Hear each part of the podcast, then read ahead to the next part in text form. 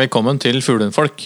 Norges første og største podkast om fuglehunder og folka bak.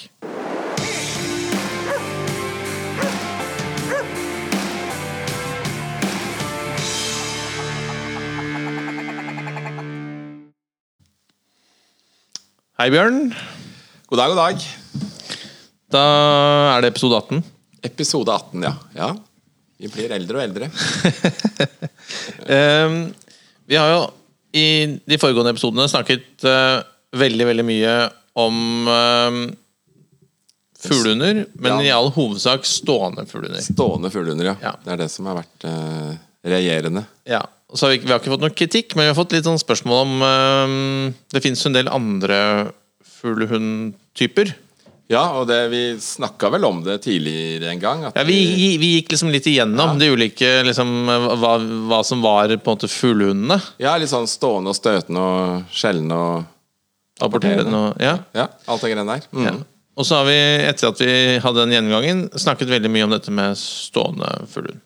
Ja, det er liksom det som er kanskje temaet mitt, i hvert fall. Sånn står meg nærmest. Det er jo den stående fuglen. Men jeg, klart, jeg jobber jo med alle typer hunder, men ikke, ikke sånn på som spesialist, holdt jeg på å si. Det, det går i stående fuglehund sånn på det, på det planet, da. Og det er jo helt sikkert også den på en største, største grupperingen eh, av fuglehunder er jo ofte stående. Ja, i hvert fall her, eh, herover, som jeg kjenner til. Det er der hvor det på en måte er mer aktuelt med støtende hunder, og det blir jo gjerne litt sørover, da. Og, og, mens miljøene er ikke sånn store i Norge, men eh, ser når du kommer utenlands og, og, og drar liksom eh, både Sverige og Danmark, Tyskland eh, Ja, nedover, nedover i landet, så er jo støtende jakt mye mer aktuelt, da. Og i dag så skal vi, skal vi snakke om kanskje den minste grenen. Er det lov å si det? Ja, jeg tror det. Jeg tror ikke det er så veldig mange aktører. eh, Og det er jo litt fordi det er lite, veldig lite tilgang til det. Eh, vi skal altså snakke om sjeldne fuglehunder ja, sjeldne fuglehunder. Det er eh, sjeldne Ja. Det er sjeldne fuglehunder. Eh, og dette er altså eh, Dette er hunder som når de finner vilt, eh, bjeffer. De står og skjeller, eller loser, eller hva du vil si. De står og på en måte litt sånn paralyserer viltet med bjeffinga si, samtidig som den, den bjeffinga òg handler om å fortelle deg hvor de er hen. Ja. Så Og dette er jo I hvert fall i Norge så er det mest vanlig med spetser, i den grad det er vanlig. Spets er jo den vi kjenner som, eh, som en, den sjeldne hunden. Det er jo det. Mm. Uh, og i dag skal vi snakke med en kar som heter Cato. Vi skal snakke med Cato i dag. Han er litt over eh, middels eh, dedikert for oppgaven. Cato Brusveen han er både dommer og, aktiv jeger og ja, jobber mye med sjeldne fuglehunder, da. Men er det, er det prøver og slikt på, på skjellen også? Det er det. Og der er jo Cato dommer. Ja. Jaktprøvedommer, så han vil kunne fortelle oss en del rundt hva, hva dette her handler om i, i, i de ja, litt grovere trekka, da. ja. Men jeg- kjenner at dette her er jo øh, Dette er et sånt tema som jeg gleder meg til å høre litt mer om, fordi øh, øh, dette kan jeg veldig lite om. Ja, og man vet jo det at øh, Dette er jo hunder som på en måte genetisk sett begynner å lose, skjelle for nesten ingenting. Altså litt eh, noen bjørkeblader som eh, dingler oppi i buska, så er det full, full los, ikke sant? Ja. Og det, det sier seg sjøl at eh, sånne hunder kan du ikke ha hvor som helst selv. Nei, Jeg husker vi fleipa litt om det øh, Når vi hadde den episoden hvor vi gikk gjennom de ulike At øh, dette er en hundetype som, som kanskje best passer for de som bor øh, ja, litt, litt utaskjærs. Kanskje Veldig som sånn. ikke, ikke, ikke, midt i, ikke midt på Frogner i Oslo, liksom. Ja, ikke sant? Men det er klart, det handler om å sette grensene òg, da. Og det, så vidt jeg snakka litt med Cato før òg, så, så sier jo han at det, altså, hunder skal jo ikke stå og bjeffe i, i tide og utide. Og om man ber dem holde munn, så, ikke det, så gjør ikke det noe med jakta. Og sånn er det jo egentlig med mange, sånn både losende og ja, sjeldne hunder sånn at man eh, tror at hvis man ber dem holde kjeft, så, så, ødelegger, så ødelegger man losen til bikkja. Mm. Men det gjør man altså ikke? Det gjør man ikke. Det er to helt forskjellige ting. En sånn kontaktbjeff eller en litt sånn være våken-bjeff eller hvor er du-bjeff, er noe annet enn en jaktlos, da. Så det, det skal man ikke være redd for. Um, vi nevnte spetsene. Er det andre type hunder som brukes til den type jakt, eller? Det er spets. eh, Du har liksom den eh, Den vanlige røde, røde Hva heter den? da? Finskspetsen. Sånn finsk spets, ja. Ja, Den ser ut som en liten rev, egentlig. Ja, ja. Og den er jo veldig pene, da. Mm, ja, veldig fine hunder. Og så har den en sånn Norrbotten-spets. Ja, men er det er i sånn- all hovedsak spetser Ja. som brukes til den type. Ja, og er det, det er vel eh, Jeg vet jo at den eh, fra gammelt av så ble jo den norske buhunden brukt som, eh, som treskjeller òg. Ja. Det er liksom kanskje litt historisk, men vi skal spørre litt Cato om, om den finnes i systemet i dag. Så, men, men dette her er jo en jaktform som ikke er så vanlig i Norge, men som i f.eks. Sverige er mye mer populært. Ja, Eh, og- For der er toppjakt um, både mer utbredt og mer lovlig, er det å si det? Ja, det er lov. Eh, Det er, det, er liksom, det er to ting her. Og det er jo at toppjakt med rifle er jo forbudt så å si i hele Norge. Ja. Og det handler om eh, rett og slett de fysiske krava i forhold til hvor lander kula hvis du bommer, holdt jeg på å si. Eh, og for, på grunn av sikkerhetsmarginer, ikke sant. Mens uh, du behøver ikke mer enn så vidt reise over grensa til Sverige, så skjønner du at uh, samme, samme hvor du skyter den, så, så råker du ikke folk, for å si det sånn. Det, er, det er skog på skog på skog på skog. Mens eh, norske fjell og bygd, det er mer sånn Det bor folk litt trangere der.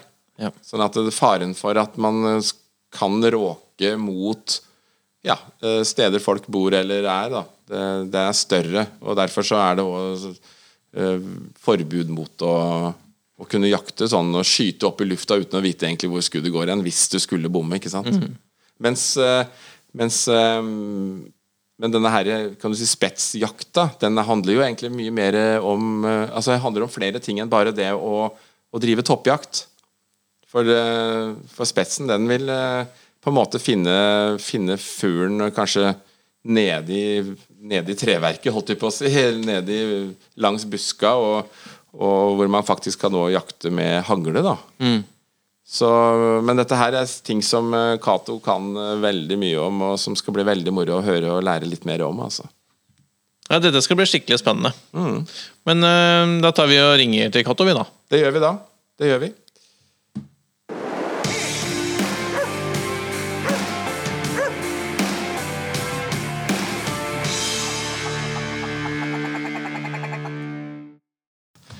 Da er det meg og Espen da som eh, sitter her. Og jeg, ja, vi, vi kan jo ikke så veldig mye om dette her spesialtemaet ditt her, så vi er uh, ydmyke og lærenemme. Ja, det jeg pleier å si til valpekjøpere, at det er ingen dumme spørsmål. Ikke sant? Og Bare dumme ja. Men vi trenger alle de dumme De dumme svara, da, håper jeg. Vi, eller de gode svara på de dumme spørsmåla. Det er dem vi trenger i dag, da. Ja. Det skal vi prøve å gi vekk. yes. Men du, Cato, før vi hopper, eh, hopper inn i det, kan ikke du fortelle, eh, fortelle litt om deg selv først? Jo, jeg heter Cato, og så bor jeg på Vingrom. Det er i Lillehammer. Ja. Født og oppvokst der. Primært uh, vært med på harejakt da jeg var liten. Uh, Blei jo mer og mer liksom lysten på å finne på ting utafor. Altså, en harejeger sitter jo ofte i veien. Det har dere sikkert sett, Ekko. ja, sitt der med ha kaffekoppen. Ja. Ville meg som ha litt mer action, så var det egentlig når jeg var i, var i Sverige på harejakt at jeg ble introdusert for spetsjakt. Da Da var det han vi, han vi ledde leide jakta til som hadde en spets da, som vi kunne få låne. Så ble egentlig bitt av basillen på den måten. Vi fikk aldri skutt noen fugl for den hunden hans. Den losa fugl, den, da, men vi sneik bort fuglen gang på gang. Så da skjønte jeg, skjønte jeg fort at dette var noe jeg kunne trives med å drive mer med. da. Ja. Så da ble det jo, så egentlig når jeg kom hjem fra den jakten, så var det å begynne å, å lete etter kull. da. ja. Og da slett. Ellers så driver jeg nå et uh, murefirma på Lillehammer sammen med en til, da, så vi er tre stykker. Ja. Og prøver å ha nettfri om høsten, som man får jakta. samler opp ferien. Prøver, prøver der, da. Det er sånn Det blir, det blir som regel en uke på sommeren, og så blir resten på høsten. Prøve å i hvert fall et par turer til Sverige, da. Men, men, for oss som er helt ukjent med, med spetsjakt og sjeldne hunder sånn generelt sett, kan ikke du, kan ikke du fortelle litt om, om, både rasene og litt om jaktformen først? Ja, Det er jo primært to raser da, for den jaktformen her. Det er andre raser òg, det kan vi snakke om litt mer senere. Men det er jo Nordbotten spett. Den kommer fra Sverige. Nordbotten, da, som sikkert de fleste skjønner, er jo der han har sitt opphav. Og så er det finsk spett, som er uh, nasjonalrasen i Finland.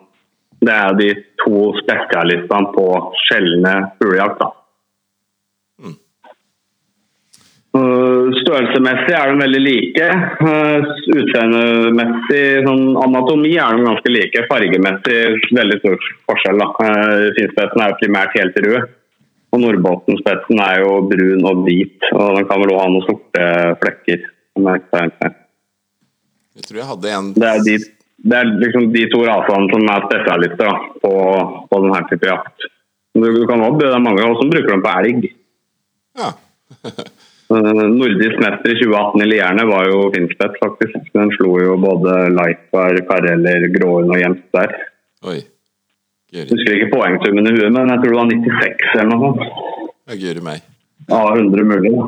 Ja, ja, ja. Det er fullt mulig. Det er egne linjer og det er jo egne, egne mesterskap i Finland på akkurat elg. da. Ja, så det er en allsidig hund? Det er jo en veldig allsidig hund, eh, og veldig mange som bruker den på mink.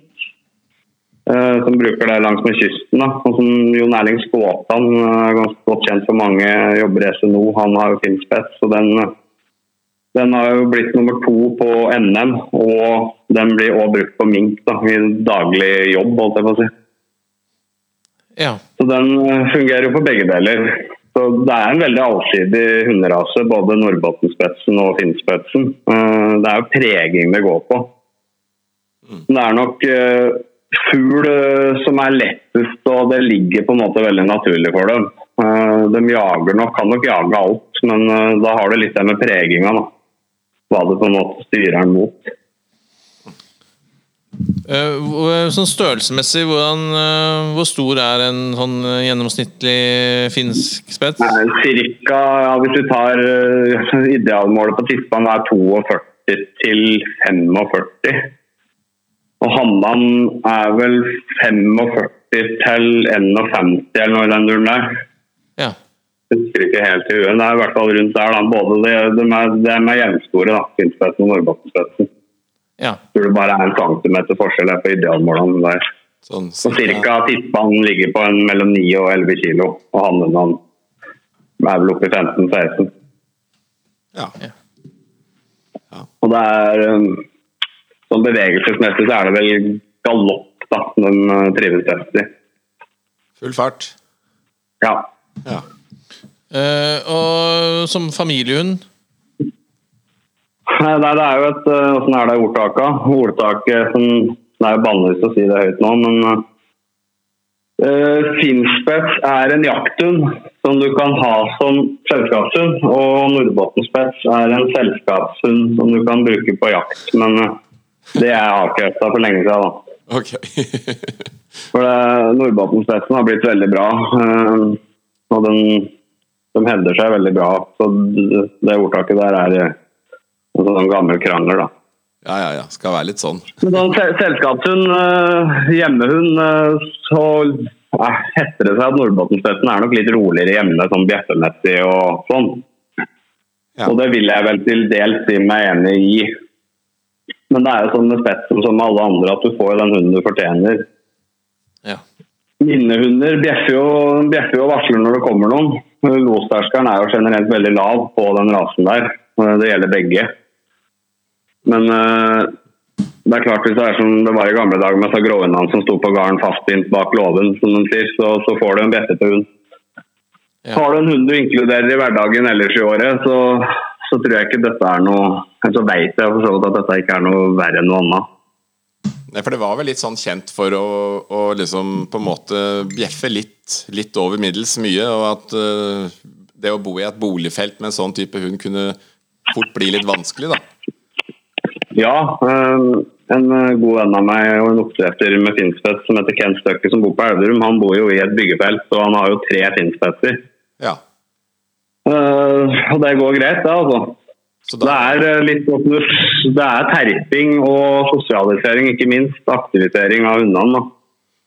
så det, det å si fra til en spets er lov, selv om når en står og bjeffer Det Ja. Ja, du kan si på Når jeg var på sauedressur en gang, så spurte han meg veldig om det, han som og Han var veldig obs på det, han dressøren. da, eh, At han ikke skulle gi hunden strøm da, hvis han bjeffa på sauen.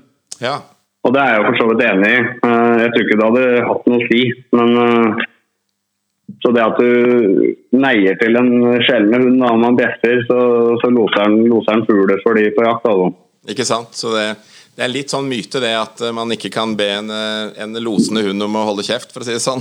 Ja, det tror jeg på en måte heller er noen som ikke helt har koll på dresselen sin hjemme, bruker som unnskyldning for at bikkja deres bjeffer hele tida. At ja, den må bare få lov til å bjeffe, ellers gjør den ikke på jakt. Ikke sant? Det er ikke sånn i realiteten. Nei, det er helt enig med deg der.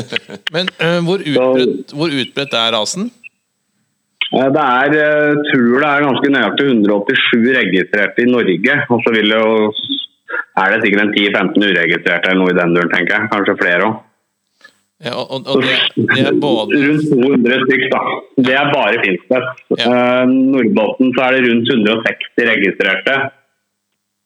Så mellom 160 og 180 vil jeg påstå av Nordbotten-spets, og ca. 200 Finnspets i Norge.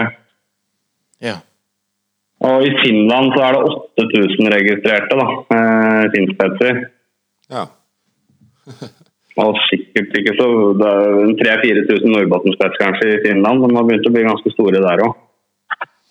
Eh, Og hvordan har, har, har det vært på det jevnt, eller er det, merker dere en økt popularitet rundt hundene, eller er det en jevnt, eh, jevnt, eh, jevn etterspørsel etter det?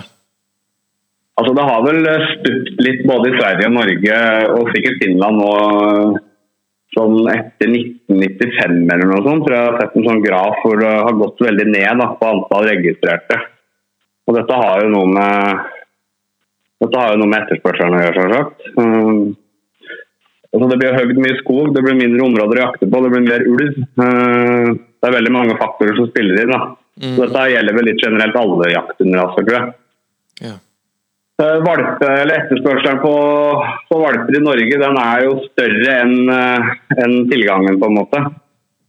Ja. Ofte har man eh, 15-20 på valpeliste, og så kommer det 4-5 valper. Eh, Så er det jo mange som ikke får, dessverre.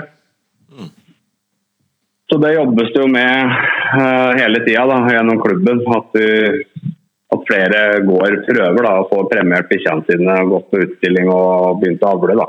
For rett og slett for å få flere til å begynne med dette her. ja. For det er egne, det er egne jaktprøver for sjeldne hunder. Ja, det er det. Ja. Og det er en klubb som heter NSFN, eh, som er den norske klubben. da. Norsk spesialklubb for Nordbotten-spets og Finnspets, heter han. Ja. Og det er vel ca. 200 medlemmer. ja. I Sverige er det vel Jeg sa ikke hvor mange det var i Sverige, men jeg får si det, og det er vel ca. 2000 Finnspetser registrert i Sverige. da. Så det er jo større, større i Sverige og Finland enn det er i Norge. Men det henger eh, litt eh, sammen med jaktformen, ikke sant? Det gjør jo det. Ja. eh, I forhold til områder du kan jakte og innbyggertall, selvsagt. Ja, fordi Bjørn og jeg snakket litt om det i innledningen til, til at vi ringte til deg. Om Ja. dette med I Sverige så heter det jo toppjakt, og du, du sa spetsjakt. Ja. Eh, og, og det ligger vel litt forskjell i de to Der har du en eh, ganske Ja, absolutt. Det er nok mange som tror det at eh, når du har los på en tiur med en spett, så sitter den tiuren i toppen eller utpå en kvist. Det er et ordtak som heter at en tiur kan gjemme seg i ei flaggstang. og det, det er utrolig at de gjemmer seg.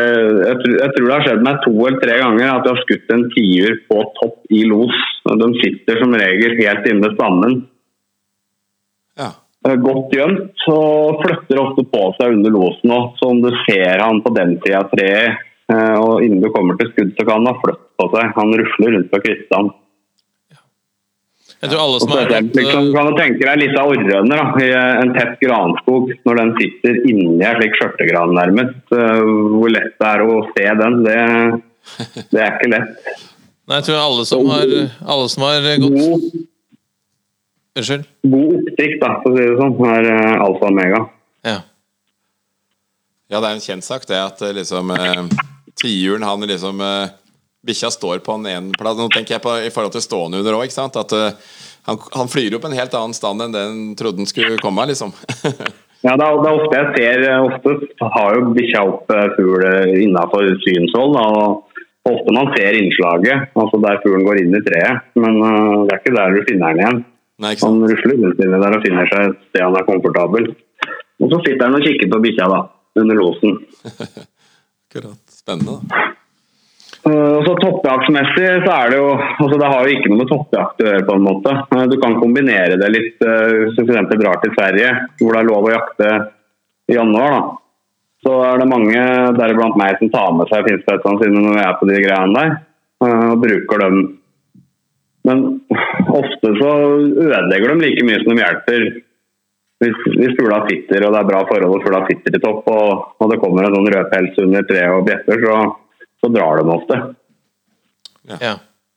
Og det man ofte og det man kan få hjelp i, er hvis det er litt hvis fugla sitter på bakken, sitter med tetta, så får jo bikkja om bikkja søker eller om det er mye snø så han bare går i skisporene dine. Så hvis han får vinddraget og ferten tar det, så hopper han jo inni der og tar ut fugl. da, Som kan eh, slå seg inn i topp eh, på myrer og høgginger. da. Så da er han jo en ressurs igjen, da.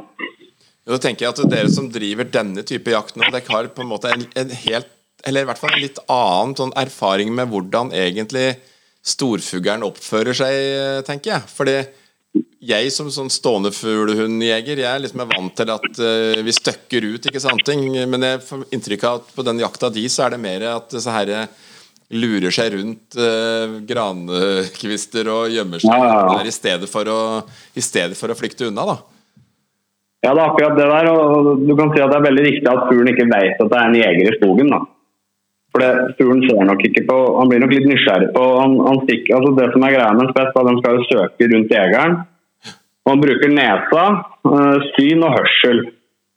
Og så er det litt individforskjell hvor mye de bruker nesa og sånn. Eh, De er veldig gode på overvær, da. Eh, som- Så de jobber ofte i, i motvind.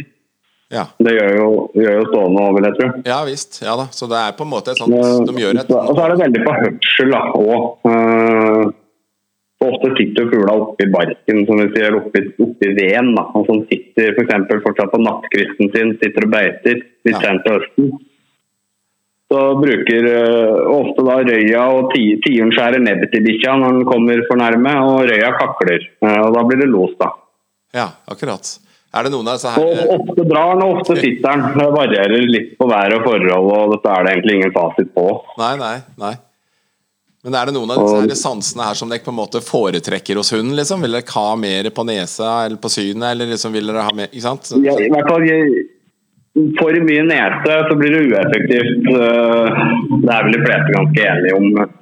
Jeg har, skal ikke si har, for jeg måtte avlive den eldste min på fredag, men jeg hadde to spetter. Ja. Den ene var veldig på overvær og dunka på da han kjente det lukta fugl og begynte å ringe. øh, Mens den andre er sånn som skal ha med seg hvert eneste øh, spor. da. Så den støvsuger mer. ja, Og da går det jo mer tid per eh, hver gang du får fugl på vinga, for å si det sånn. Han er ikke like For det, det er jo etter fugla kommer på vingene det begynner å skje ting på oss. Eh, hvis det flakser i vinger hos dere og dere ikke ser noe, så er det på en måte over. Men hos oss er det da det begynner. Fortell videre For da vil det jo Hvis fuglen skal sitte i treet, da, så, så og bikkja tar den jo som regel opp fra bakken. Og så flyr den alltid mellom 10 og 150 meter før han setter seg i tre. Ja, Og så går bikkja bort og loser, da. akkurat. Ja. Ok, så, så hunden i, i første ledd, liksom, så støkker øh, hunden fuglen? Ja, altså Når du ser en spets Og få altså på en måte vet der sitter en fugl, ser den eller hører den eller lukter den eller vet at der sitter den, så løper den den løper så det er, Man prøver å ta den, rett og slett. Da. Det er ikke noe sånn sniking og, og liksom Det er rett på å få den på vinga. Ja. Og da skal det fordelmessig ikke bikkja lose eller noen ting da, når fuglen flyr, flakser. Eh, Da skal den være helt stille og bare følge på og bruke hørselen sin. For det, ofte vil jo fuglen fly så langt at bikkja mister den av syne. Og da skal bikkja optimalt sett stoppe opp og stå og lytte. For da vil den høre hvis fuglen slår inn i et tre. Det kommer jo litt an på hvor tett skog det er, da, men si ut til 200-300 meter er jo realistisk. Og når han hører et innslag da, så løper han dit på ja, De har vel et slags kompass inni seg. da. Eh, Og så bruker han nesa i tillegg da, for å finne igjen fuglen. I tillegg til den lyden han hørte på innslaget. Kanskje kakler fuglen litt etterpå. Men stort sett i sånne situasjoner så er det kun hørsel. da, at Der dro han opp, liksom, og der satte han seg. Og så trenger han kanskje et minutt eller to da på å liksom bestemme seg 100 for hvilket tre han sitter i, hvis han ikke ser den. ikke sant? Da bruker han nesa. Ja. ja. Og, og det er da jakta begynner for din del?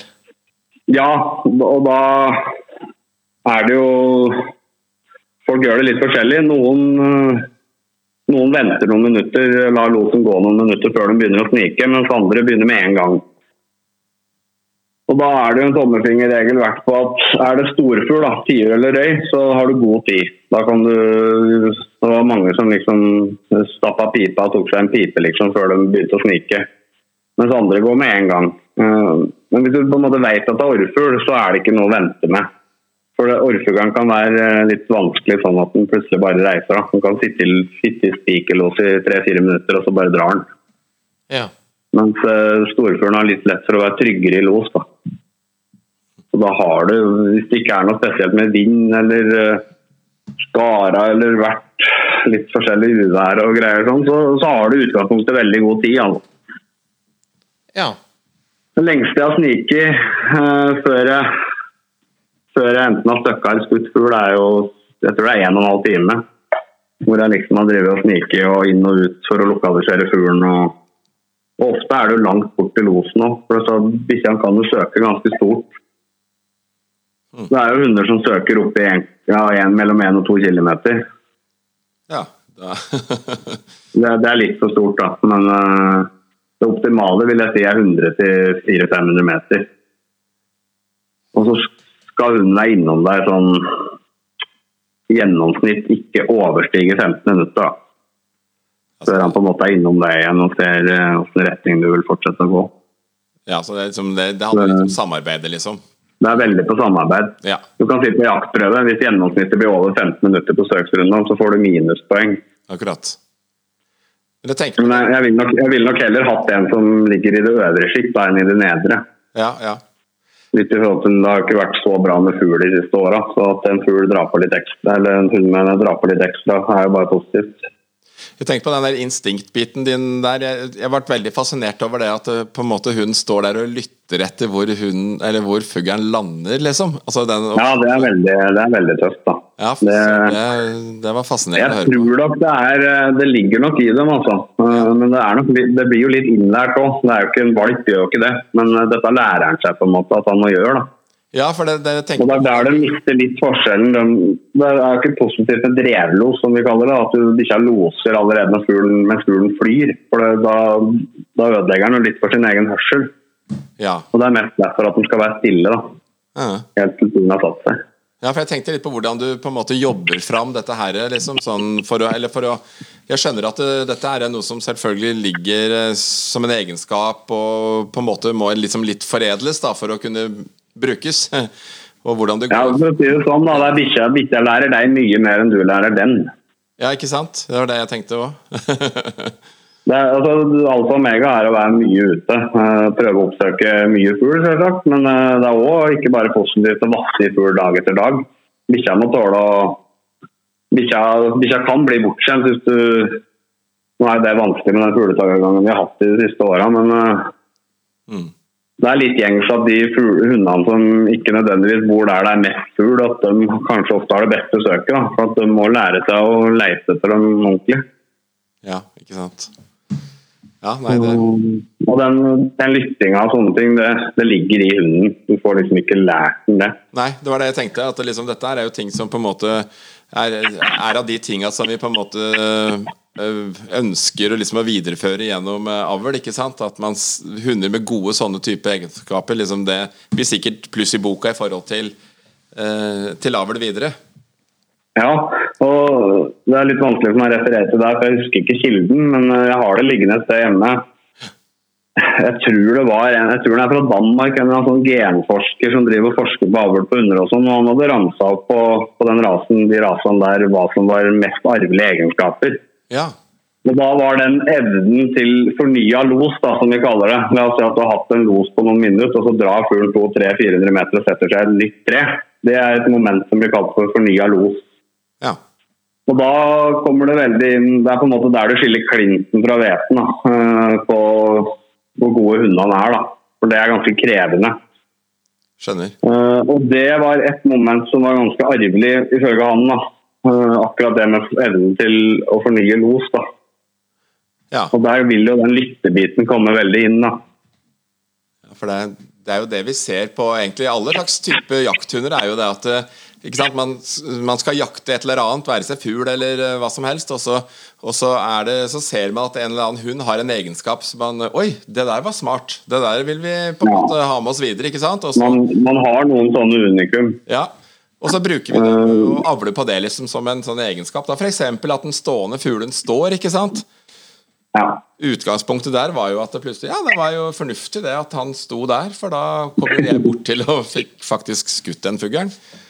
Ja, det er sånn det begynner. ikke sant? Ja, ja, ja. Og så er det ting man jobber videre med, som du sier. da. Ja, ja, så foredle liksom. Og der har du noen Det er vanskelig å ta et tall, men si én av tusen, da, kanskje.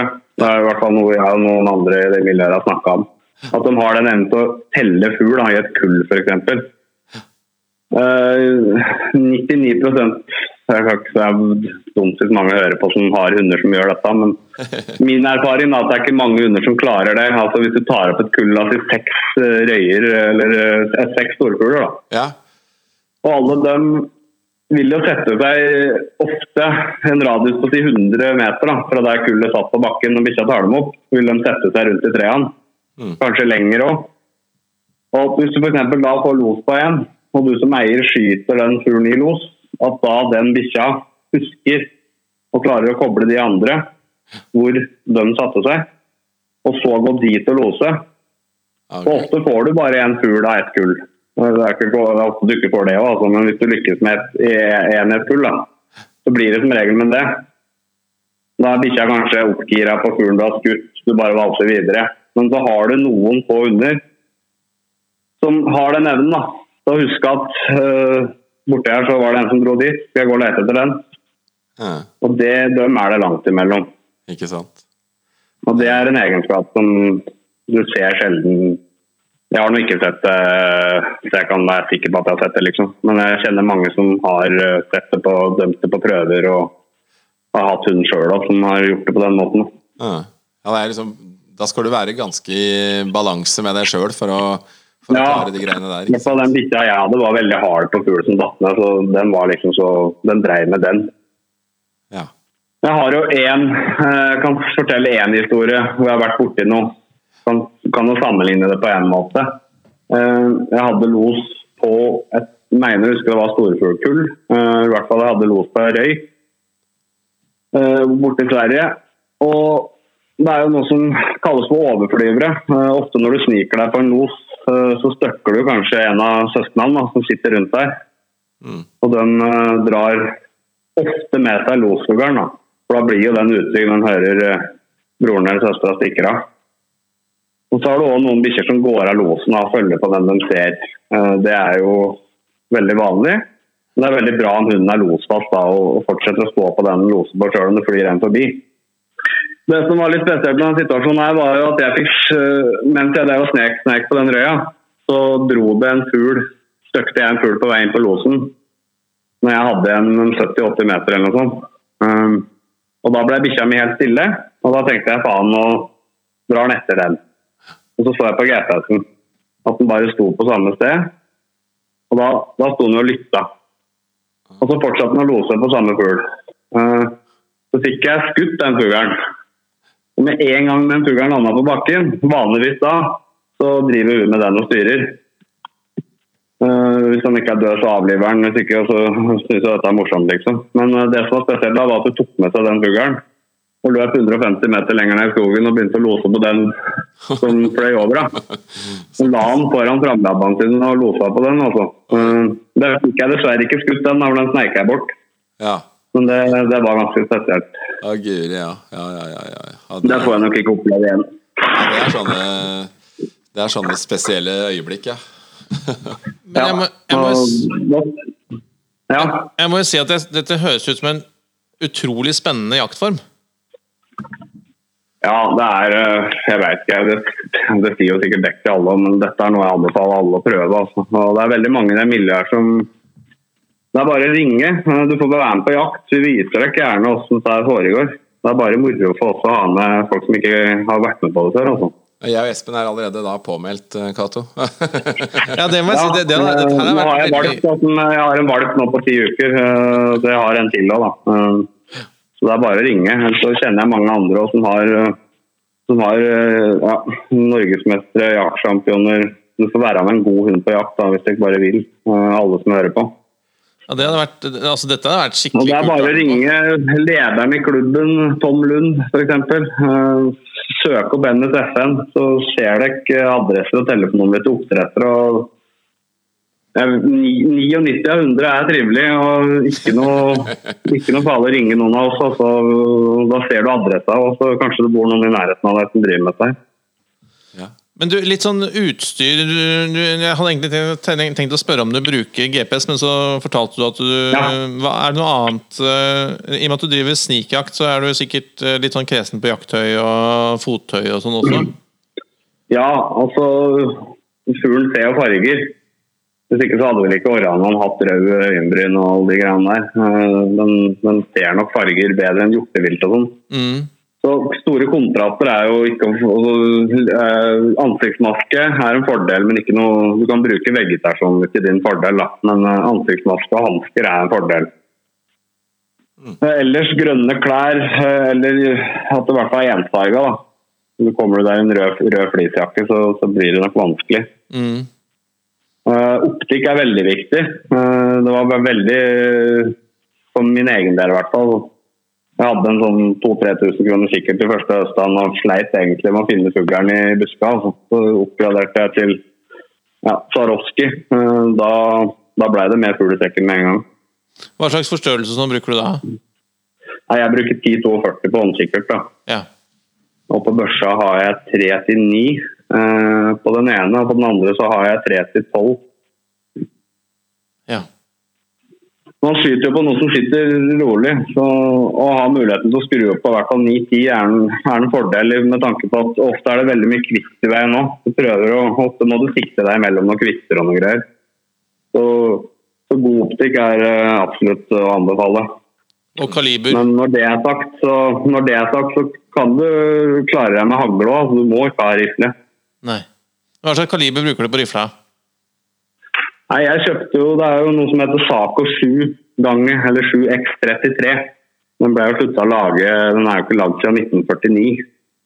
Det er jo et kaliber som kommer fra Finland, som var på en måte en slags spesialist i den type her jaktform. Ja. Eh, Så jeg bruker den, og så i fjor så kjøpte jeg meg en drilling, da, en blazer eh, D99 i 6,5 eh, og kaller det 20 hagleløp. ja. Rett og slett for at ni av ti ganger så er jeg på haglhold. Uh, og da er det unødvendig å, å peise av gårde en sånn kule. Ja. Ofte har du dårlig anlegg, det er mye kvitt, eh, det er mye, det blir mye rare skytestillinger. Og da føles det nok bedre med en haglesverm da, ja. enn med kule. Men når det er sagt, da, på en gammeltider som sitter rolig med fjæra inntil kroppen, så som sier det er 15 meter er maks altså med hagle. Spesielt hvis du skyter den bakfra, for da kan den fly langt.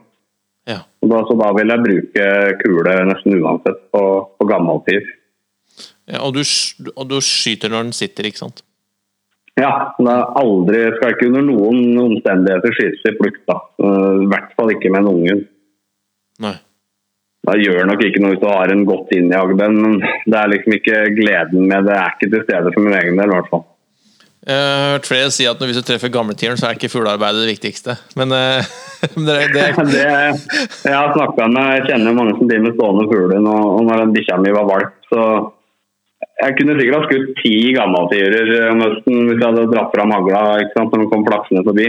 Men jeg var ganske bestemt på at jeg skulle få til denne bikkja. Og de skjønte jo ikke at jeg klarte å la være. da. Nei, men, men Man må tenke, tenke, lenger enn den dagen og den uka og den måneden. Man må tenke på man skal ha med bikkja i ja, hvert fall, skal i hvert fall ha en jakt under ti år, så man ødelegger veldig mye ved å rote med sånne ting. Ja, så er det litt viktig, syns jeg også, ikke nødvendigvis Altså, vi, vi skal ikke i, i, dag skal vi ikke jakte Hvis jeg skulle levd på det jeg skyter, så hadde, hadde jeg jo ikke levd, antageligvis. Vært innhul. Det er, ikke derfor man, det er ikke derfor man driver med det her. Nei, og det er det jeg sier òg. Altså, jeg tenker at det, det, er jo ikke, det er jo ikke matauk vi driver med. Nei, det er ikke det, altså. Um, det, var kanskje det i gamle dager, men altså, det å på en måte holde att og ikke måtte skyte alt en ser, det jeg blir litt sånn ja. Eh, frustrert. og Man må tenke litt at, eh, at man kanskje skal dele med flere, da. Mm. Man skal det, altså. Og og ikke minst det med, og spesielt da for en ungen, da, valpungen, ungen at den loser på riktig tre. Det er viktig eh, at man er nøye på. Ja. Så La oss si at hunden loser her lukter det noe godt opp, eller her var det en fugl som satte seg. Så her bjeffer jeg litt, liksom. Og så får du øye på den fuglen med litt flaks, da. Og du ikke er sikker på om bikkja loser på det treet, eller om du òg veit at den loser litt feil, men eh, nå får jeg skutt fugl på den bikkja, liksom, og brenner ned den, så kan du ødelegge veldig mye. Ja. Med at du får en hund som sjanser, da, som de sier. Når det lukter fugl, eller han tror det er fugl oppi der, så står han der og loser og ikke bryr seg noe mer med å på en måte prøve å lokalisere og markere den riktig. Da. da kan du få en vanskelig jakt hele den hundens liv. Da. Og at du, ikke nok med at du skal finne denne fuglen oppi der, men du må jo gjette på åssen treet er òg. Da blir det vanskelig. Jeg, det, Å ha en hund som markerer rett er litt alfa og omega, det òg. Altså. Ja, og dette ligger vel i måten du ja, som du sier nå, jobber altså, Dette går litt på innjaging igjen. da. Ja. Eh, det ligger jo selvsagt i dem, men de, lærer jo underveis, dem òg. Så hvis du aksepterer at den står eh, på feil tre, så, og den får jo belønning i ny og ne den da, når du har flaks og ser den fuglen eh, sjøl om du ikke vet uh, riktig hvor han sitter i nærheten av bikkja. Men Holder du noen sånne kurser og sånn du, Cato, eller? Nei, jeg har ikke gjort det. Nei, bare hør. Jeg blei spurt om guiding i fjor av um, Hva heter han igjen, da? Kristen Sveås. Oh, ja, ja. Han spurte vel først Vi har hatt uh, godt NM oppe i terrenget hans på Dokka, skjønner du. Oh, ja, akkurat. Jeg, jeg vant jo NM der i 2018.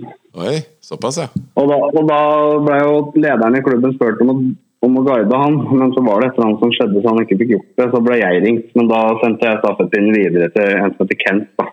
Ja. Han har drevet med dette i flere år enn meg, og er nok, han er en dyktigere jeger enn meg. Da. Så jeg, jeg har med meg mye kompiser og forskjellige folk, ja, altså, men ja, ja, ja. Jeg, var litt mer komfortabel da han tok den, hvert fall. Han har mer eh, kunnskap og evne til dette enn meg. da. Men jeg, jeg kan nok, det er fullt, fullt mulig med sånne ting seinere. Altså, ja, ja, fall akkurat da, så sendte jeg den videre. Ja, ja, ja. Nei, vi kan snakke om det. Men jeg, for, jeg, for jeg hører det i det du sier, så, så det er mye sånn eh, ganske sånn eh, eksakt viten her som, som, egentlig veldig få kan, da. Som vet. Ja da, det er klart. Og at det er mange, mange muligheter å gå i litt feil eh, retning her, hvis du ikke veit akkurat ja. hva som skjer. Og det er akkurat det, Hvis du kjøper deg en sånn hund, kjøper du en oppdretter du finner på Spezia eller en godkjent sparing, så så er det enten meg eller en tilsvarende som på en måte kan hjelpe deg med de rette tingene. Ikke sant? Jeg har ofte sendt meg et lite sånn innjagingskompendium jeg med av mine, hvor det står litt info. Og så Ring meg gjerne hvis dere lurer på noe, men her kan dere lese litt så dere får et litt sånn større bilde. da, I stedet for å komme med 50 spørsmål som sikkert sitter langt inne for mange. Ja. Det jeg støtta meg veldig på når jeg fikk min første spett, var å Eh, ringe oppdretteren og andre jeg kjente i miljøet. Da. Ja, ikke sant.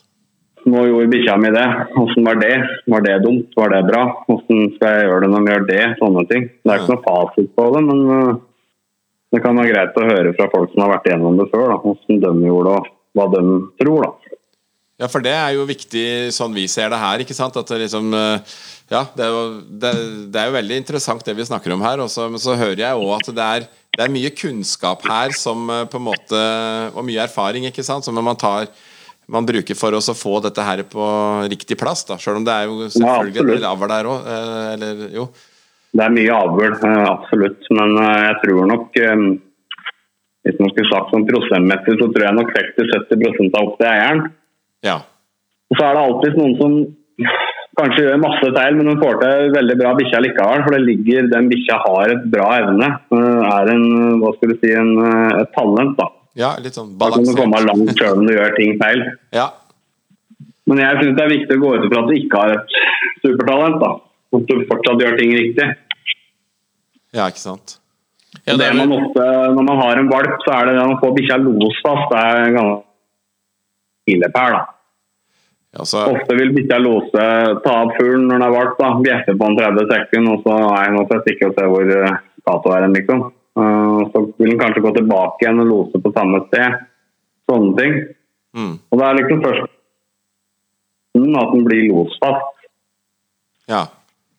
Og Noen hunder er losfaste uten at du skyter fugl for dem. Det er vel en som vant det finske mesterskapet for noen år siden, som sa det aldri hadde blitt skutt fugl for. Oi. Så er det noen du må skyte mange for, 10-15, før de er 100 losofre. At de bare står der helt til enten fuglen drar eller han detter ned. Ja.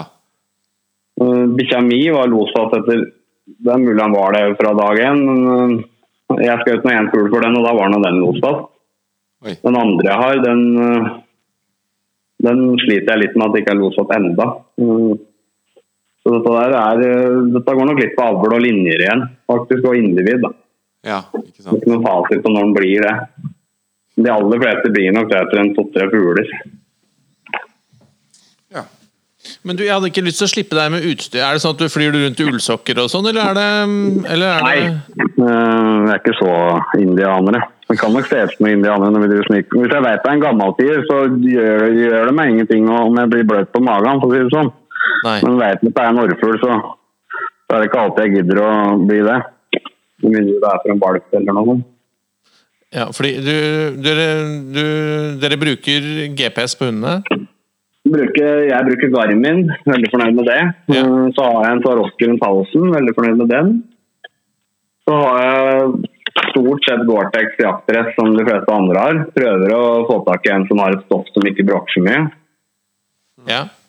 For hvor, hvor, nei, hvor bikkja loser jo 120, mellom 100 og 160 bet i minuttet, så om det bråker litt, så er liksom ikke det krise heller. Nei, nemlig, så det, er ikke det, det viktigste er ikke nødvendigvis at Det eh, viktigste føler jeg er bevegelser og kontraster. Altså, klart Hvis du stikker opp trynet ditt eh, bak en eineskjær, så ser jo de fleste det. Og en tier ser jo veldig godt. ja.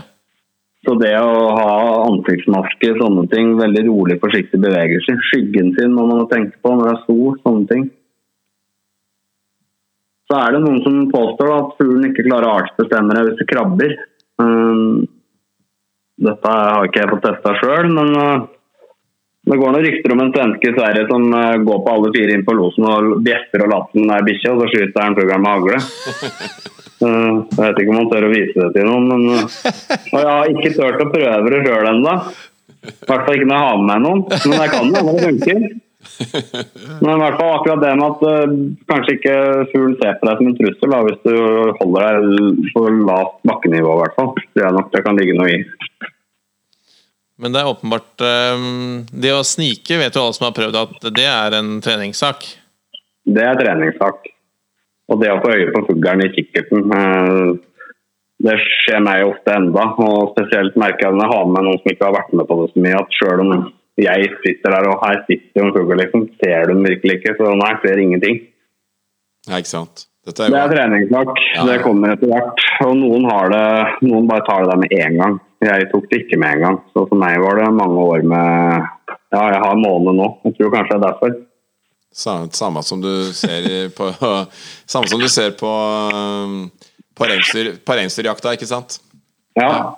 Man kan se seg blind nå, ikke sant? hvis man sitter for lenge og glor og glor i den kikkerten. Ja, ja, ja. Kanskje ofte er det viktigere å ta ned kikkerten og Og bare bruke øya sine litt for å prøve å se kontraster og om det sitter noen som ikke ser naturlighet inni der. da.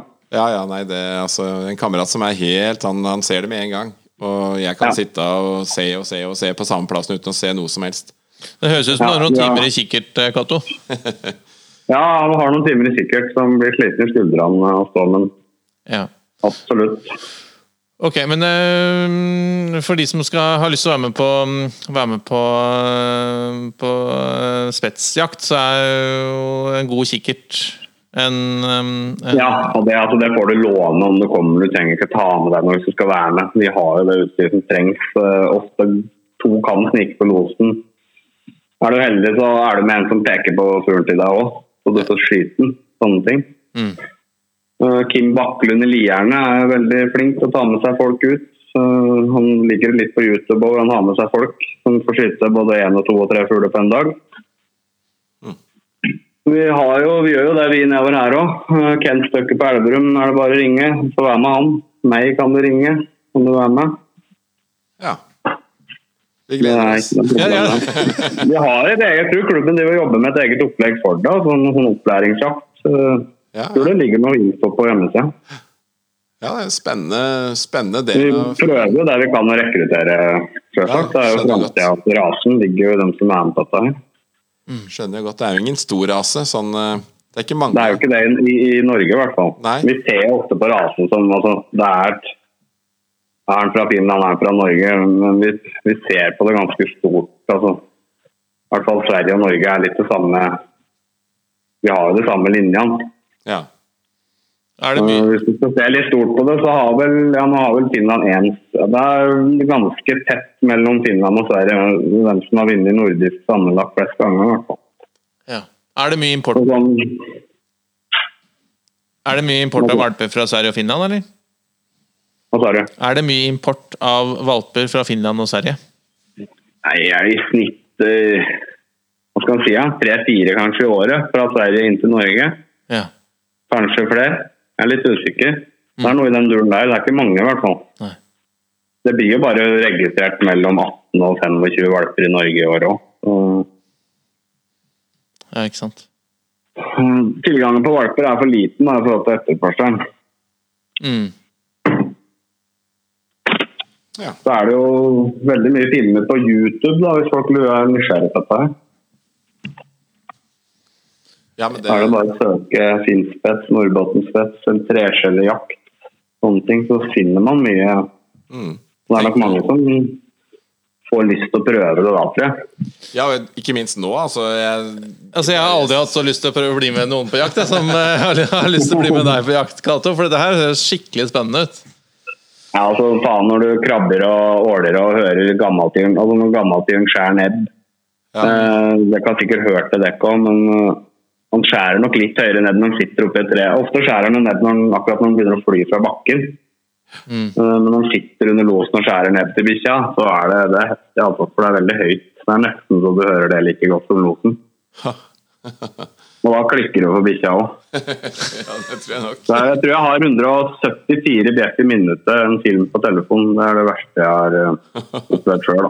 Det går jevnt, altså. Å, 174 bjeff i minuttet. I minuttet. Ja, ja da går det jevnt. Det er inn- og utpust. Ja. Takk, takk. Og Det er også litt sånn raseforskjell, da, når vi er inne på det. Nå har det kommet noen individ som har vel så bra los som en spett, men Nordbottenspetten har ofte litt lavere losfrekvens. da. Ja. Ligger på 70-80-90 BF i minuttet, mens spetsen i snitt ligger på 110-120, tenker jeg. Ja, Der har du litt forskjell på dem, da. akkurat. Ja. Nei, Vet du hva, dette her var eh, Dette var spennende. Skikkelig Ja, kult. dette er spennende. Og grevling er det jo veldig mange som bruker den på i Sverige. Da kan du begynne litt før. akkurat. Mår, ikke minst, det er vel ikke nevnt. Det er, det jo, det er de veldig flinke på, egentlig. Da får du utvida jaktsesongen din litt òg. Kan du drive med til, til april en gang? ikke? Ja, ikke sant? Og, og litt sånn nyttig, nyttig type jakt i forhold til at Veldig du skal nyttig òg, ja, for, eh, for viltpleie. da. ja, ikke sant? Og så er det jo noen som også bjørn òg, da. Oi. Ja. Det er det jo av flere raser. Mm. Ja, så det en tøff Bikkja mine, mine er nå redde, men eh, noen gjør det og bruker dem til det. ja. Så det er en tøff, eh, det er en tøff hund. Det er i utgangspunktet en veldig tøff hund. Um, dressurmessig så vil jeg vel eh, anbefale folk varsom med en bestemt dressur. da. Det er vel det vanlige kjedelige svaret. Mm. Å legge en finspett på ryggen og, og så liksom tvinge til å ikke altså Det nytter ikke. Da risikerer du i hvert fall å tape den kampen, da. og da har du gjort det. da. Ikke sant? Ja. Mm. Så man, Det er jo visse ting man ikke skal ha toleranse for, selvsagt, men å drive og avstraffe en spett hardt og tvinge til noe De er veldig stae, veldig egne. Eh, Det mange sliter med, er at du får ikke tak i dem når du skal gi deg. Det slet jeg veldig med de første årene. Ja, akkurat. At du løper rundt bilen med bikkja og må kjøre og stoppe og drive på. Oh, ja. Jeg, jeg drev på fire-fem timer en kveld med den jeg hadde når den var et par år eller et år gammel. akkurat. Ja. Og syntes jo det er supermorsomt, ikke sant. Ja, ja. Så det jeg endte med å gjøre med den, var å ha på den vest og så en ti meter lang line han løp rundt med i skogen. Så når han var innafor sånn 20-30 meter, så fikk jeg tak i den. ja. Så da fikk jeg lært den til Å lære bikkja sitt er nok lurt, for da sånn som Inntil nå nylig så kunne jeg liksom si sitt i bikkja hvis jeg var innafor 50 meter. Så om jeg ikke satt det, så sto jeg i hvert fall rolig til jeg på bånd. Ja, og så, dette her med sånn voldsomt hardhendt behandling, det er jo som regel bare en, eh, et, liksom et lite resultat av egen frustrasjon over å ikke, ikke skjønne Ja. bedre. Det er jo det det handler om. så til og med etter de fire-fem timene i mørket der, som jeg endelig fikk tak i bikkja, så jeg sa jo flink og kosa på den. Men jeg tror kanskje bikkja innerst inne merka at eh, jeg mente det ikke. Men eh, Ja, jeg syns det var godt gjort av deg likevel. Da, må jo bare ta deg på tak, liksom. For det, du gjør det bare verre hvis du tuller med noen andre ting da. Ja, ikke sant. Det er veldig Så, misforstått. Jeg husker eh, Ja, jeg er bare 29 år, da, så når jeg fikk denne bikkja, så bodde jeg jo hjemme ennå. Moren min drev ut i hagen og skulle ha bikkja inne på verandaen, så måtte jeg jo gå der med sånn frysetørka vann og kaste en og en terning til bikkja på verandaen, så fikk lukka sporten. Og litt sånn er de eh, de fleste de første par-tre årene. Mange valpekjøpere har som sliter med det at eh, bikkja det nesten ikke å jakte, for de får ikke tak i bikkja. Akkurat. Så innkalling er anbefaler jeg alle å trene fra de er små. Ja, ja. ja nei, det er kanskje ja, noen triks å hente der. Man må gå liksom på kryss og tvers av, eh, av hundeverdenen, og så finner man noen eh, ting man kan prøve, og så se om ting kan bli bedre. Ja. Det er viktig det der. Og det er veldig individforskjell òg. Mm, mm. Noen er mjukere, noen er hardere. Det er i utgangspunktet en ganske modig hund, da. Ja, det skjønner jeg. Det, det tøft nok å ta en de og, og jakte på en stor tiur, og så tar de jammen elgen i tillegg. så det, Ja, og bjørn. er, Ja, ja, og bjørn, ikke minst. og bjørn, ikke minst. Ja. Så det, det å gjøre dem ofte de to første årene, jager en del elg og sånn. Minne har ikke gjort det. Det er jo noen som sier at den som er ivrig på elg, blir veldig bra på fugl. Når du får prega dem til det, Akkurat. så har det mye jakt i seg, på en måte, da, som har den elginteressen. Ja. Ja. Nei, men altså Spennende. Veldig mye nytt her, egentlig, syns jeg. Sånn, mye sånn interessante nye innfallsvinkler generelt, liksom. Som jo Ja, og så blir det en del musegraving da når bikkja er valp. For de, som sagt, de hører jo veldig godt. Så de hører jo en mus når jeg en slik rot. Det er jo kjempegøy. Ja, ja, ja. ja. Er det Og det året? Bikkja mi er jo født i 2012, og det er vel ganske kjent årstall for mange med fuglehund at da skjedde det ting. Da knela jo fuglebestanden, og det var jo vel musår i tillegg det året. Så jeg hadde jo, hadde jo ikke så veldig kult den første høsten, syns jeg. Jeg var jo nesten blodig på labbene etter å ha gravd mus etter en dag. Ja, det er litt sånn å ha forster og ha lemenår òg, ikke sant? Ja, det er ikke noe kult, det. Nei, det er ikke det. Altså. Da er det liksom bare å ja, gnu på. Ja, ja. Nei da, så det Nei, men spennende. Men det er fullt mulig, og du kan jo jakte. Det er jo ofte tidlig jakt i dem. Jeg har jo den andre spetten her skjøt jeg vel fugl for i los når den var fem måneder gammel. Akkurat. Uh, Og jeg kjenner Jeg husker ikke årstallet, men uh, det er en hund som har vunnet norsk mesterskap, og den var ni måneder gammel. Oi, såpass, ja. Uh, Så det er Du kan være heldig å få en som begynner å jakte tidlig. Kommer du opp i rette situasjonen og har skikkelig stang inn med alt, så kan du skyte fugl i los tidlig. Ja, for jeg tenker litt det der at Du kan vel òg liksom stange ut hvis du på en måte er litt for ung i huet og møter noe som på en måte kan være tøft, da. Ja, absolutt. Litt Det er òg viktig, men det er jo, dette kan jo de fleste som driver med jakthunder, men når du går med en valp i skogen, skogstilvenning, så er det viktig at bikkja finner deg igjen når den er borte, Ikke borte fra deg. Ja, ja, ja. Så det er jo de vanlige tingene der. Mm. Sånn altså, utvikla bra søk har nok ikke de fleste før de er sånn tre-fire år. Det er da de liksom virkelig Da er de på en måte ferdig utvikla sånn søksmessig, sånn har jeg inntrykk av i hvert fall. Mm. Den tredje høsten. Akkurat. Slutten av den andre og løpet av tredje høsten. Det er da det på en måte de fleste bitene detter på plass, da. Ja. Mm. Og da har du en spennende jakt foran deg resten av eh, Holdt på å si livet, ja, men i hvert fall hundelivet. De har i hvert fall de- Når de er åtte, ni, ti år, så begynner hørselen å bli dårligere. Da. Og dette er en jakt som går mye på hørsel. Ja, ikke sant? Og de påstår jo det at spetta blir døve når de er ti år pga. sin egen bjeffing. Eh, Det kan, jo, det, det kan jo hende det er noe i det. Og om man ikke bjeffer i bikkjegarden hvis det er mye på jakt og man blir los, så er det klart det blir noe lyd. Ja, ja, ja. ja. Jeg kjenner jo bare meg sjøl. Det er nok mest fordi at de er så avhengig av den hørselen sin på jakt at du merker veldig når den blir dårligere, tror jeg. Det er nok Ja. mer det, tror jeg, da. Ja, ja, ja, ja. Jeg ble døvhørt, jeg, av å gå i kennel i mange år. Så det Ja, det, jeg har åtte hunder tror jeg. Jeg har åtte. Så, Ja, så det, er de ganske Det er ikke så mye lyd som man skulle tro, da. Men det er klart når du går forbi noen, så smeller det jo. Ja, ja, ja. ja det blir nok tidlig døvert, du òg. Ja, jeg tror det. Ja, det er du, mulig i tillegg. Da er jeg ikke så flink til å dra på med når jeg skal skjære noen med litt. Så. Ja, ja, ja. Kjenner den. Det er ikke sikkert jeg hører losen om noen år. Nei. Nei, men Da har vi sikkert utvikla noen nye høreapparater, så da blir det bra lell. Ja. Nei, så jeg vet ikke. Jeg har oppsummert det meste. Det er Ja. den vinden, da. Jeg har jo ikke inntrykk av at de er så råe på å gå på vind, men eh, de, det er klart de drar jo nytte av den. ja. Jeg har jo sett bikkja mi få overvær og løpe 400 meter rett fram og dra opp en fugl. Eh, Men at de liksom er så strie på å jobbe i vind som de stående fuglene som jeg har inntrykk av gjør, det tror jeg ikke. Nei. Mm. Du får nok kanskje litt snevere søk hvis du går i medvind. eh, Men at bikkja vil gå litt fram og så heller jobbe litt bakover igjen. Ja. Men at de er så rå på vind som i hvert fall de, noen av de stående fuglene jeg har hørt om, det er de nok ikke. Nei, de bruker jo det Og så er vel det kanskje litt med at når det er i skogen, så, så er det litt andre vindforhold enn det er oppe på vidda òg, da. Ja, ja. Kan det Ja. være en årsak. Nei, også fjellhunden den bruker jo nesa, kan du si, eh, mest. Og, men du ser jo Ja. i skogen så, så er hørselen med der òg. Men, ja. men det er klart, eh, det blir jo ikke det samme som, eh, som det du snakker om her, med den her at de kan på en måte Altså evnen til å finne en fugl eh, så finne i tre, da, som vi kaller det for jaktprøver. Ja. Det er ganske imponerende av en hund hvis en fugl sitter høggende rolig oppe i en busk og ikke lager en lyd. Ja. Kanskje ikke har beita noe særlig ennå heller. At den da klarer å løpe under det treet og begynne å lose sånn ganske momentant, det er, det er imponerende. Ja, fy ja. Det er helt, ja, utrolig. Ja. Og Det har du mest nytte av sånn på oktober-november, når fugla begynner å sitte litt mer oppi og beite. og i det hele tatt. Mm. Tidligere på sesongen så sitter de stort sett på bakken. ja, akkurat. Ja. Mm.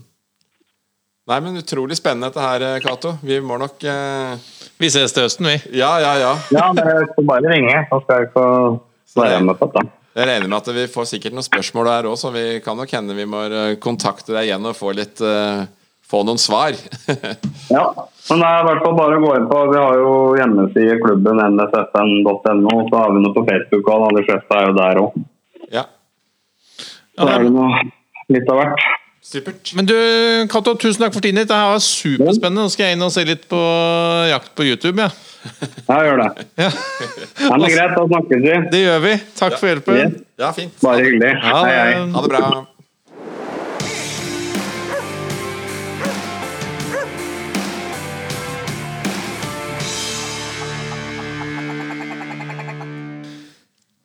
Bjørn, dette var spennende. Jeg er helt svett, jeg.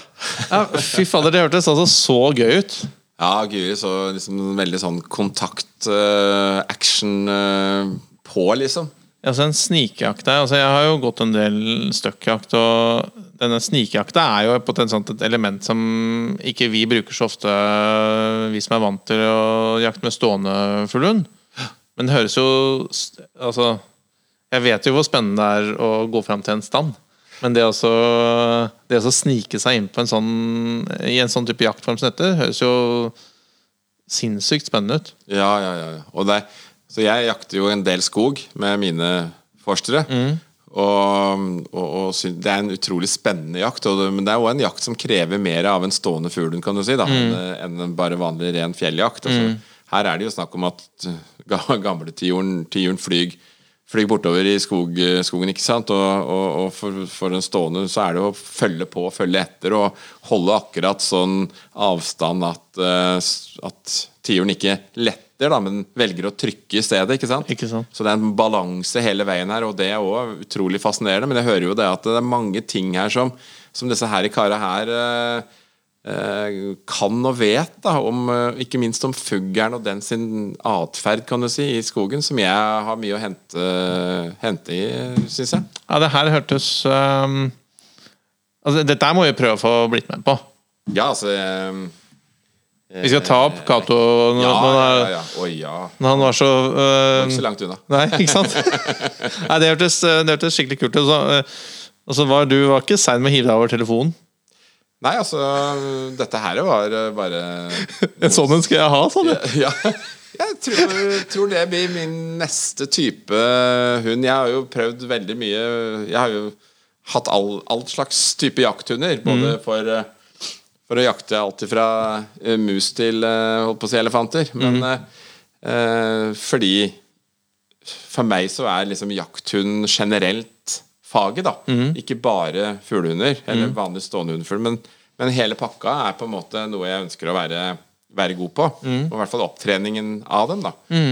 Eh, men, men, eh, og jeg kjenner jo til eh, dette her lite grann, men, men, jeg, men ikke på den måten som jeg nå liksom ble presentert av Cato. Det syns jeg var utrolig spennende. Og, så, jeg, så jeg tenker at dette kan nok være noe som er neste trinnet for meg. Ja, det, det Nei, det her, her ja, ja, ja, jeg, jeg har ikke ord, jeg. Syns det var så spennende å høre om. Og jeg har, jeg kjenner jo, altså jeg har jo vært på toppjakt i Sverige noen ganger så, hos en venninne av meg som, er, eh, som har dette her som en hobby. Og hun, hun legger jo ut stadig om vinteren ikke sant, bilder at en, en, en kjeder i dag. ikke sant? og det var det, wow. Det er liksom eh, Gå en tur i skogen eh, og ta gjerne med kanskje én tiur hjem igjen. mm. Men det, liksom, det syns jeg alltid blir for dumt når du skal komme med fem-seks stykker fly, liksom, hengende på ryggen. Det, Det er, blir, det er ikke mange nok til det. Nei, det er sånn grådighet og helt unødvendig. Altså, det, man skal se mot den tilfredsstillelsen av å på en måte ha, ha på en måte takla den type jakt. da og liksom overvinne situasjonen. Vi, det er ikke det å ut for å hente mat. Mat henter vi på Kiwi og Rema. ikke sant? Eh, dette her er den dette er den turen eh, hvor du liksom på en måte klarer å, å jobbe imot eller med naturen og, og, og faktisk få, få det til. altså. Og det handler ikke om antall, men det handler om liksom opplevelsen og det du sitter igjen med i slutten av dagen. Jeg tror det er viktig det du sier der, Bjørn. Og der- tror jeg vi, alle vi som er gjengere, har et, har et ansvar. da Um, I å på en måte være fornøyd med Være fornøyd med opplevelsen også. At, at ikke Ja, det er hyggelig å få med noe i sekken hjem. Ja. Men det er i hvert fall ikke derfor jeg går på jakt. Og, eh, dette blir en liksom avsporing, men jeg snakket med en, en bekjent av meg som er same. Ja. Um, og han var altså så forbanna på På Ja, det han refererer til rike rypejegere fra Oslo, liksom, som kommer opp og flyr inn fem øh, friske hunder, og flyr ut fem øh, slitne hunder, og flyr inn fem til.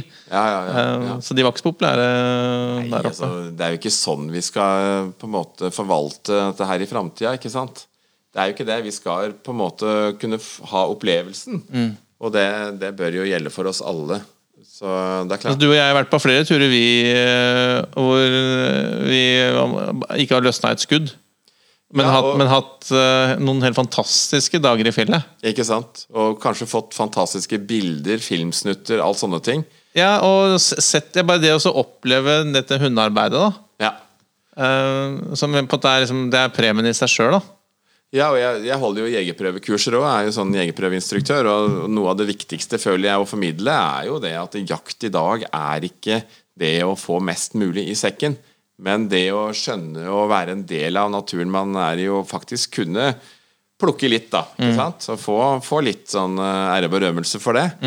Men, eh, men at det ikke handler om at man skal ha med mest mulig hjem igjen. Fordi Altså ja, jeg, jeg skjønte den med, med Jeg har jo hørt historier fra oppe i Finnmark hvor det har liksom stått igjen svarte søppelsekker med ryper. ikke sant? Og da hva er greia, liksom? Da er det så misforstått i mine øyne. Så det Jeg, jeg er helt enig. Mm, mm. Fordi Jeg jeg hørte Cato også sa at det har jo vært uh, mye mindre fugl de siste årene. Ja. Og, og det tror jeg vi skal være veldig bevisst på. Vi, skal vi ha noe å kose oss med fremover, så, så må vi jo være litt um, ja, litt bevisste på det òg. Ja, og det ser vi. Jeg synes jo det, Hvis du går inn på Facebook, og sånne ting så er det liksom ikke Det er ikke, det er ikke greia lenger å legge ut mest mulig feltvilt. Nei. Det er ingen Nei, Jeg husker jo sånn for 20 år tilbake hvor jeg husker disse bildene med hytteveggen som hang full av Ja, ja, ja, ikke sant. Jeg husker en film som kom på 80-tallet hvor hele coveret var fullt av rypelik. ikke sant? Det ble jo veldig kritisert i åra framover. Ja. Nei, men du, uh, skjellende fuglehund. ja, fantastisk. Spennende. Ja. Ja. Nei, men eh, Jeg tror, det, jeg tror dette var en episode. jeg. Dette var uh, godt å være en episode. Det er bra, Men vi, vi høres, da. Det gjør vi. Yes. Ha det. Ja. Ha det godt.